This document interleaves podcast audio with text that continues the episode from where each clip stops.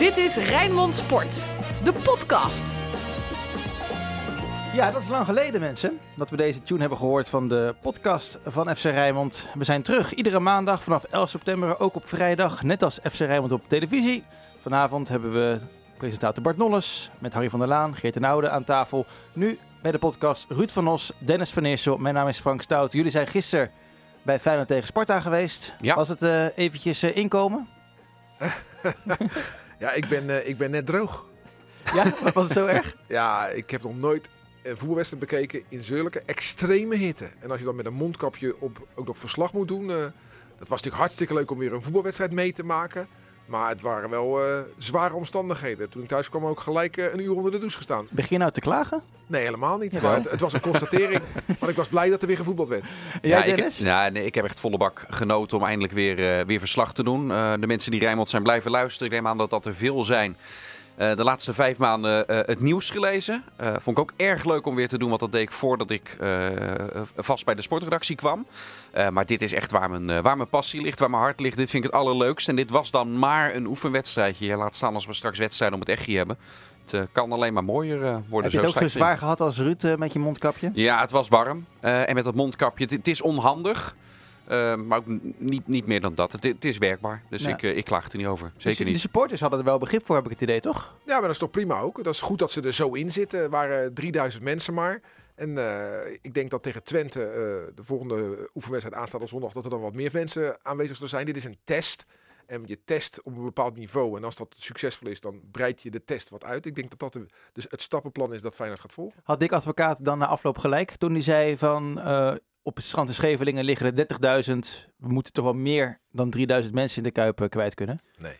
Had hij geen gelijk? Nee, natuurlijk niet. Daar moet hij zich ook helemaal niet over uitlaten. Nou, de vergelijking gaat een beetje mank. Ehm, eh, het einde vind ik heeft hij wel gelijk in. Want, maar dat is gewoon, eh, als je daar zit, gebruik je ogen, kijk om je heen.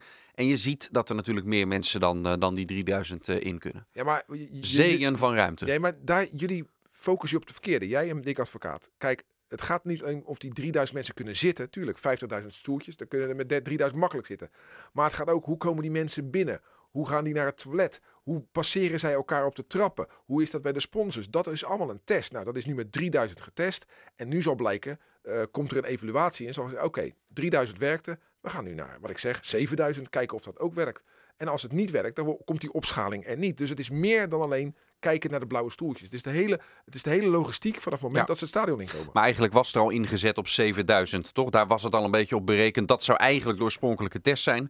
Ja, het zou mij niets verbazen als dat richting, eh, richting zondag bijvoorbeeld Ja. eh, alsnog het geval Ja, gaat. maar er waren Eh, nu ik- toch ik- ook maar nog- 3000 mis- kaarten Misschien verkocht. maak ik mezelf niet duidelijk. Hè. Ik opteerde nu niet voor om opeens 50.000 man eh, eh, toe te laten. Dat is niet, niet het punt wat ik, eh, en, en volgens mij advocaat ook niet, probeer te maken. Alleen dit was gevoelsmatig wel, wel erg extreem. Ja, maar ik- logisch om op dat niveau een test in te zetten, vind ik wel. Jij zei net, Ruud, eh, dat het bij de sponsors allemaal goed ging. Maar er waren ook genoeg sponsors die zonder ik mondkapje zei niet dat het bij de sponsors allemaal goed ging. Ik zei, als het goed gaat, dan breid je uit. Nee, eh, eh, die, die gangen achter de business lounges, die, die zijn hartstikke smal. Hoe, hoe passeer je daar elkaar op, eh, op anderhalf meter? Als dat niet kan, wat moet je dan doen? Daarbij zag je ook dat mensen in de, die eh, op de stoelen zaten voor de business lounges, een aantal daarvan deden hun mondkapje, een aantal daarvan deden hun mondkapje af. Ja, dat, eh, dat kan eigenlijk niet natuurlijk. Daar moet, daar moet Feyenoord tegen optreden. Ja, maar daar heb jij over gesproken, toch, Dennis, met mensen? Over hoe dat nou precies zit? Nou, het is wel zo dat. ehm, het is een beetje krom, moet ik zeggen. Dat binnen in die ruimtes. Dat geldt dan als een hospitality unit. Waar dus ook gegeten en gedronken wordt. Hè, dat, dat bedoelen ze in het Nederlands ermee. Daar zijn die mondkapjes dan weer niet verplicht. Eh, maar zodra ze inderdaad buiten op de tribune gaan zitten, dus, dus ervoor, eh, dan zijn die mondkapjes weer wel verplicht. Ik zag ook wat foto's van mensen die dan achter het glas zaten, maar daar, en dat vind ik wel krom, eh, zou dan weer die mondkapjes niet verplicht zijn. Terwijl ik denk, ik ben geen viroloog, eh, er zijn opeens heel veel amateur-virologen bijgekomen in Nederland de laatste maanden. Maar ik zou juist zeggen, ja, juist binnen, met alle eh, ventilatie en dergelijke, en juist daar zou je die mondkapjes misschien nog eerder moeten doen dan in de buitenlucht op die tribune. Maar waar het mij om gaat, is als we met z'n allen afspreken dat mensen op de tribune een mondkapje Ja. dragen, dan kan je wel op een dure plaats zitten, maar dan, ook dan moet je je kapje op. En wat ik ook vind, maar dat begrijp ik helemaal niet, is dat de nummer 1 risicogroep, eh Dick Advocaat met zijn 73 jaar, die draagt geen mondkapje. Nee. Dus die zit in, in een persconferentie waar ik een mondkapje op heb en hij niet. Dat vind ik niet erg. Hè? Ik bedoel, ik ben niet, eh, ben niet jaloers of zo, maar voor zichzelf, dat hij het zelf niet wil. Ja. Ook op het veld heeft hij geen mondkapje. Nee, dus hij wordt geïnterviewd door iemand van Fox, die heeft een mondkapje op. De cameraman heeft een mondkapje op en hij niet. En daarnaast stond de woordvoerder van Feyenoord, Raymond Salomon, met een mond, iedereen met een mondkapje op, behalve hij. In de persconferentie, iedereen een mondkapje op, behalve hij. Ik zou, als ik hem was, met mijn 73 jaar, voorzichtiger zijn. Ja, ook omdat hij heeft gewerkt met iemand die corona heeft. Ja. Eh, jullie hebben allebei eh, kinderen, zo rond de- de 8 en 6 jaar. Jullie spelen wel eens Wie is het? Dat gaan we hier ook doen. Wie is het? Heeft hij een bril met een pet met een klep, dan is het Jack. Maar wie heeft de corona? Nou, er waren vijf afwezigen. En vier van de vijf die hebben een, eh, een blessure. En dat zijn Berghuis. Ja, blessure. Die is herstellende van, eh, van een longinfectie. Eh, Bijlo, Malasia en Conti. Sinisterra reken ik dan even niet mee. Maar dat zijn eigenlijk vijf die dan geblesseerd geweest zijn. En dan was er nog eentje, Luciano Narsing. Die ontbrak in de wedstrijdselectie.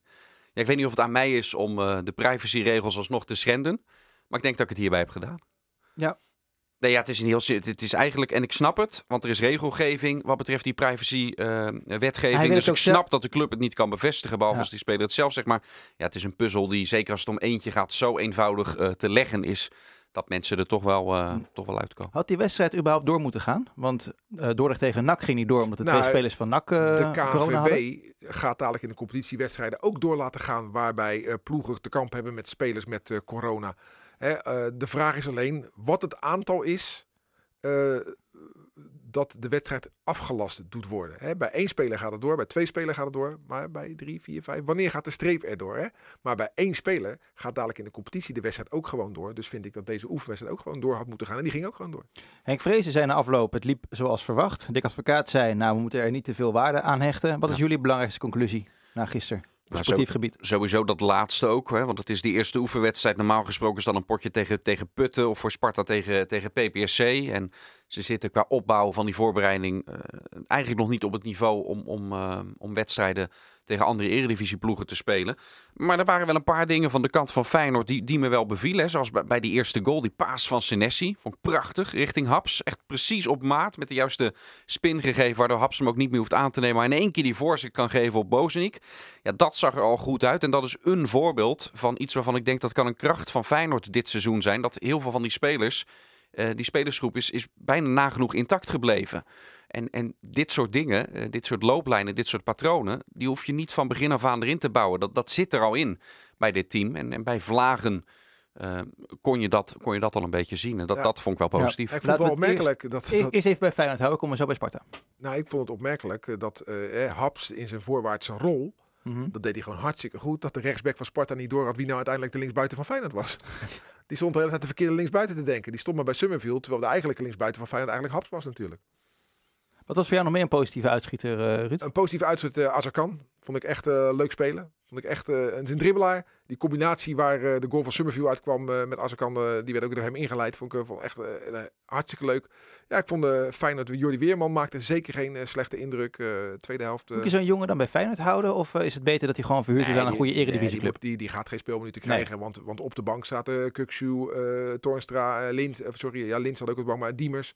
Dus Weerman moet gewoon gaan spelen. Want je ziet dat je van spelen beter wordt. Dus die jongen moet gewoon bij een goede eredivisieclub de kans krijgen. Nou ja, kijk naar Gustavo Hamer. Weet je, ja. die heeft natuurlijk bij Zwolle gespeeld. Uh, gaat nu naar Coventry. Ik ja. moest ook een beetje denken aan Rick Dekker. Uh, heeft natuurlijk ook, is ook uh, vanuit de Feyenoord jeugd naar Zwolle gegaan. Klopt. Gaat nu naar de Graafschap. Misschien een niveautje minder. Maar zo'n club als Zwolle zou denk ik ja, prima zijn voor dan Coventry, denk ja, ik, de ja, Graafschap. Ja, Nee, maar zo'n club als Zwolle is toch prima voor een jongen als, uh, als Beerman? Ja.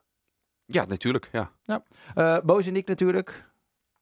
Was ook heel positief. Ja, advocaat na afloop viel nog wel mee. Hè. Die wilde, maar dat doet hij wel vaker. Als iedereen dan, uh, als wij vanuit de pers dan positief over een speler zijn, komt hij met de kritische kanttekeningen.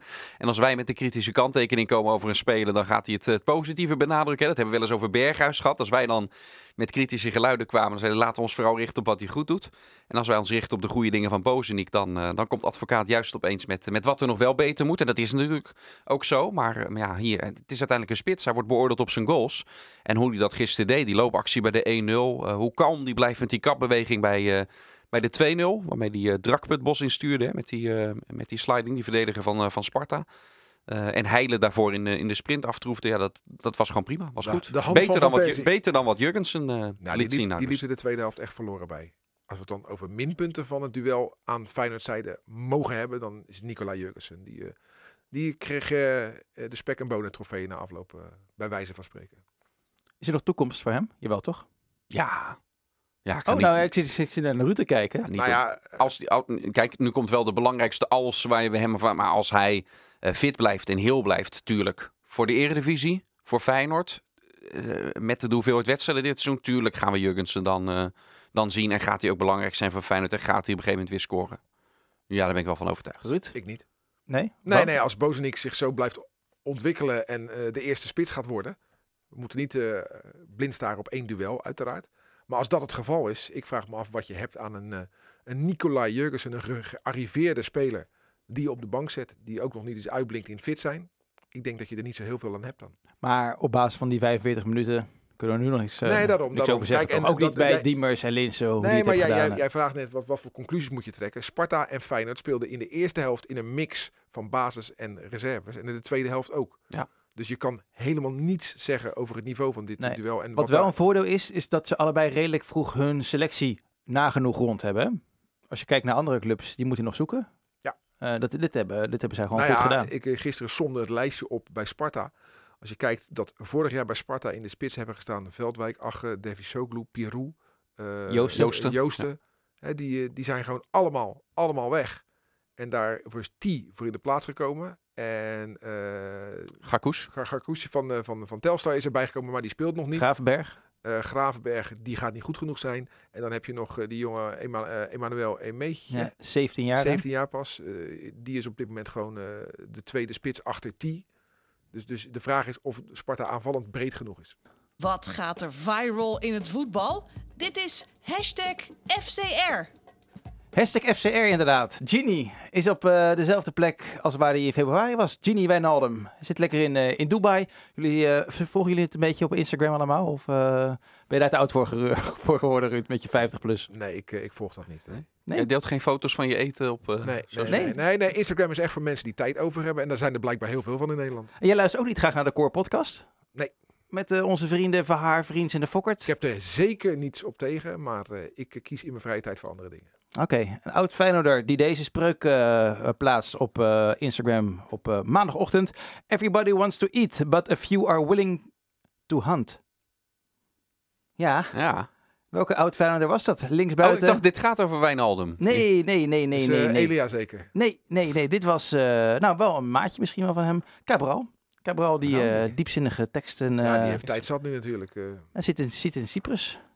Dat bedoel ik. Nou, heerlijk. Ik hoop dat het eh, goed met hem gaat. En ik maak me op social media... Ik zag die samenvatting weer van de, de ploeg van, eh, van Bronkhorst. Ja, hij heeft nou vier Jij wedstrijden maakt je gespeeld. zorgen. Je maakt je zin maak- niet af. Maar... Nou, ik maak me daar wel een beetje zorgen om, ja. Ja, weet je, eh, ze hebben nou vier wedstrijden gespeeld. één puntje. Ja. Wat mij opvalt is dat ze bijna altijd meer balbezit eh, hebben. Ja? Ik heb Ja, ik, Ja, de kenner van het Chinese voetbal Ja. nu. eh. ja, je- Ja, je- nee, ik, ik laat dit, dit laat ik aan me voorbij eh, Ja. gaan, moet ik zeggen. altijd 65% balbezit. Jij maar... luistert podcast, jij besteedt je tijd aan Instagram en aan het Chinese voetbal. Ja, ja, ja, ja, zeker. Zitten in jouw eh, dagen 27 uur.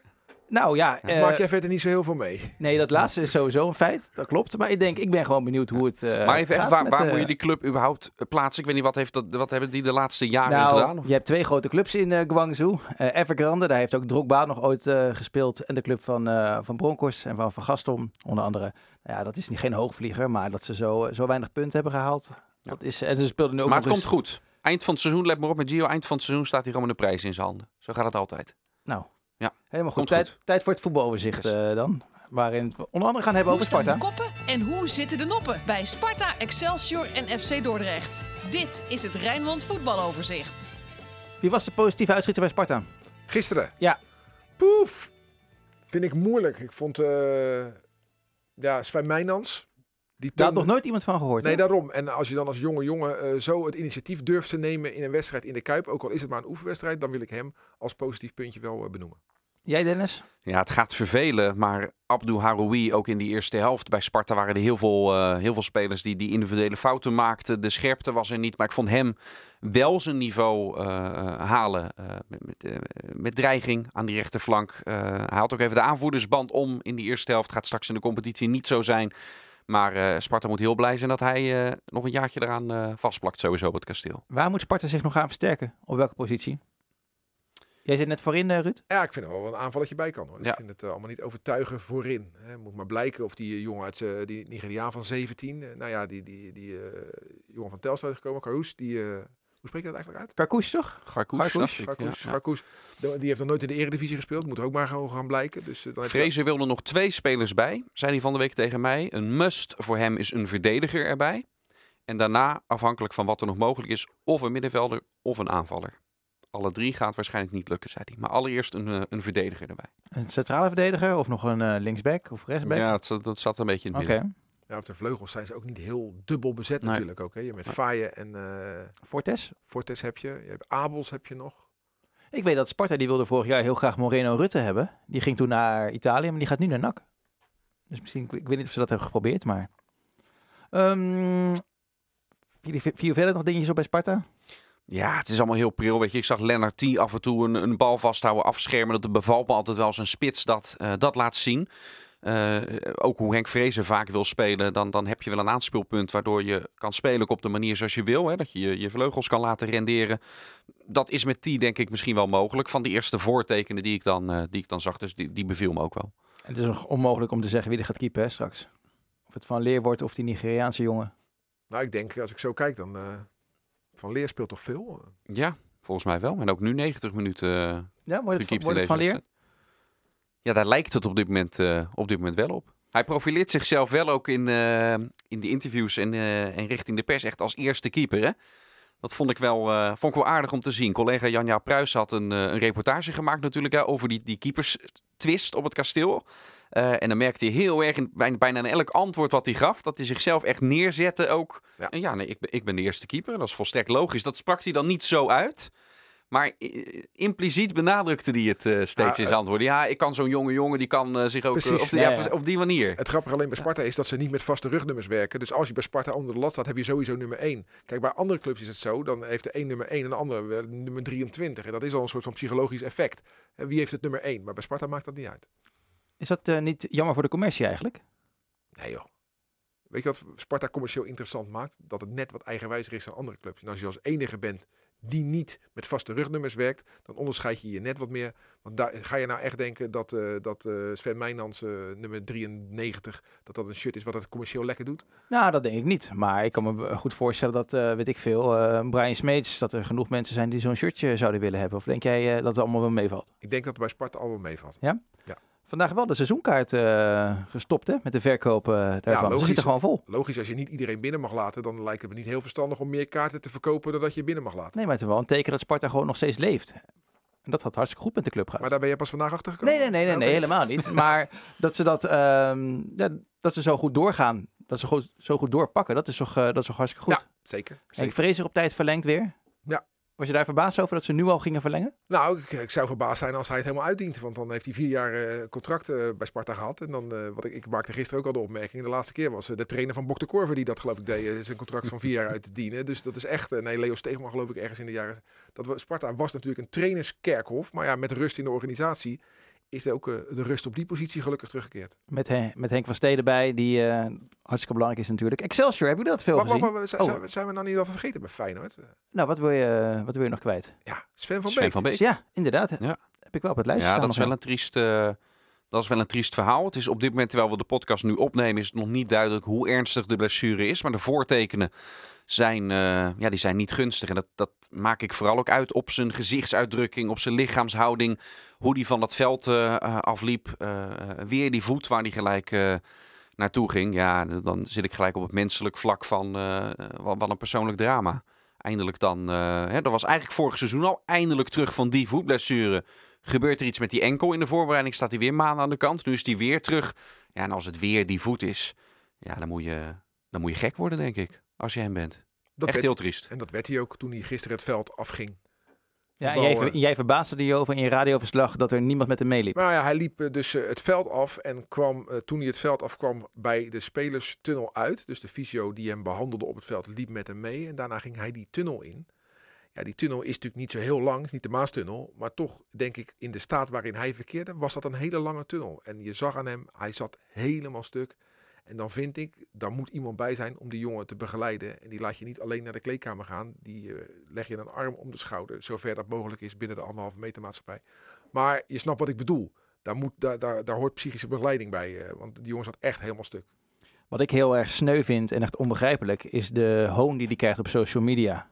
Van joh, eh, wat hebben we nou aan Sven van Beek? Altijd maar geblesseerd. Weet je, hij wordt echt te kakken gezet door zijn eigen supporters. Ja, maar ja, if you can't stand the heat, stay Nee, out of the kitchen. Nee, dat vind ik niet. eh, ik vind als je supporter bent, eh, tuurlijk, je mag wel eens, tuurlijk, je moet kritisch ook Maar- zijn op je eigen supporters. maar maar, je gaat niet iemand zo afvakkelen als dat je Ja, Sven maar van Beek verbaas doet. jij je nu nog over eh, de tone of voice die af en toe op social media is, waar ja, mensen maar dit is echt massaal. op- Massaal wordt Massaal, Sven van ja, maar- Beek afge, Nee, ja, maar afgemaakt. wacht even, Frank.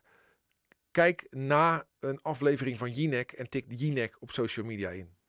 Massaal wordt ze afgemaakt. Jawel, maar dat zijn mensen die geen gevoel hebben met Jinek. Dit, de Feyenoord supporters hebben gevoel met Feyenoord. En ik verwacht van hen dat ze ook compassie hebben richting Sven van Beek. En dat Ik- hebben ze totaal niet. Ik verwacht als jij kijker bent van Jinek, dan kijk je daarheen naar, naar omdat nee, je dat een leuk niet waar. programma vindt. Nee, dat is niet waar. Dan Je kijkt ook ook een- gewoon naar iets om, eh, om jezelf te ergeren. En, en, en eh, als je ziet, eh, weet je, het is gewoon, social media is een open riool. Dat weten we allemaal. En eh, een heleboel mensen doet daaraan mee en vindt dat blijkbaar prima. Jawel, maar het gaat om je eigen club. Weet je, als je als Feyenoorder iets ja, lelijk zegt over een Ajax ziet, hangt nog af in welke mate natuurlijk, kan je daar nog een soort van begrip voor opbrengen. Maar dit zijn je eigen mensen, doe normaal. Oh, maar eh, je hebt niet gemerkt, ze schrijven ook lelijke dingen over de directie van Feyenoord. hoor. Dat is ook eigen club. Ja, nou dat vind ik soms ook te ver gaan. Soms. Ja, Ik nou, ja, altijd. Nee, nee, dat hangt er vanaf wat. Want als mensen zeggen van, joh, Mark Koevermans heeft nu weer ehm, uitstel gegeven over wanneer hij met nieuws komt van Feyenoord City. Als je dat op normale bewoordingen eh, opschrijft, dan vind ik dat je een punt hebt. Ja. Toch, Alleen dat is een zeldzaamheid eh, op social media. Normale bewoordingen. Dennis? Je bent stil? Nee, maar dat is toch, dus toch een Hij groot verschil een- tussen... Hij zat een tweet te versturen. Dus, ja, ik zat... Ed Frank Stout. Ja, lul. Wat een nonsens Frank in die Stout podcast. Stout oud. Ja. Eh, nee, ja, maar er is natuurlijk een groot verschil tussen, tussen kritisch zijn eh, of eh, mensen beledigen of mensen bewust proberen te kwetsen. Dat ligt uiteindelijk aan de ander hoe die het ontvangt, of die zich laat kwetsen of niet, vind ik. Eh, maar daar, daar zit een groot verschil tussen. Eh, net zoals ook hierbij. Ja, tuurlijk kun je ook. Ik, het, is nu misschien niet het moment ernaar. Eh, maar tuurlijk kun je de kritische kanttekening plaatsen met, met eh, Sven van Beek en zo vaak geblesseerd. En inderdaad, wat, wat, is, wat is de waarde voor Feyenoord? Ik vind het nu een beetje een ongepast moment om dat nu al te doen. Dat zou ik nu ook niet richting advocaat vragen. Er zit nog wel iets menselijks in. En dat staat los van eh, of je op die jongen, eh, of je het die jongen ook persoonlijk kwalijk gaat nemen. Alsof hij ervoor kiest om weer geblesseerd te raken. Nee, natuurlijk niet. Het is natuurlijk belachelijk om het hem dan kwalijk te gaan nemen. Dat vind ik wel een verschil. Ehm, zitten in de laatste minuten van de podcast. Even over Excelsior gaan we het hebben. Wereldgoal van Joel Zwarts. Ja, fantastisch. Fantastisch omhaal. uit bij Ja. ons met eh 0-2. Hoe lang speelt hij nog bij, bij Excelsior Ja, die heeft, die heeft de goede weg gekozen. Als je er voor jezelf achterkomt dat je Feyenoord 1 niet gaat halen, dan moet je minuten gaan maken. Heeft hij bij Dordrecht gedaan, daarna bij Excelsior. En die zet zichzelf heel goed in de etalage. En als je dan dit soort doelpunten maakt, ja, dan eh, is een volgende stap nabij. En dat zal misschien dan zijn, weet ik het, naar een, een topclub in de eerste divisie. eh, misschien een Cambuur of misschien wel een club. Ja, ik had toch iets hoger, denk ik?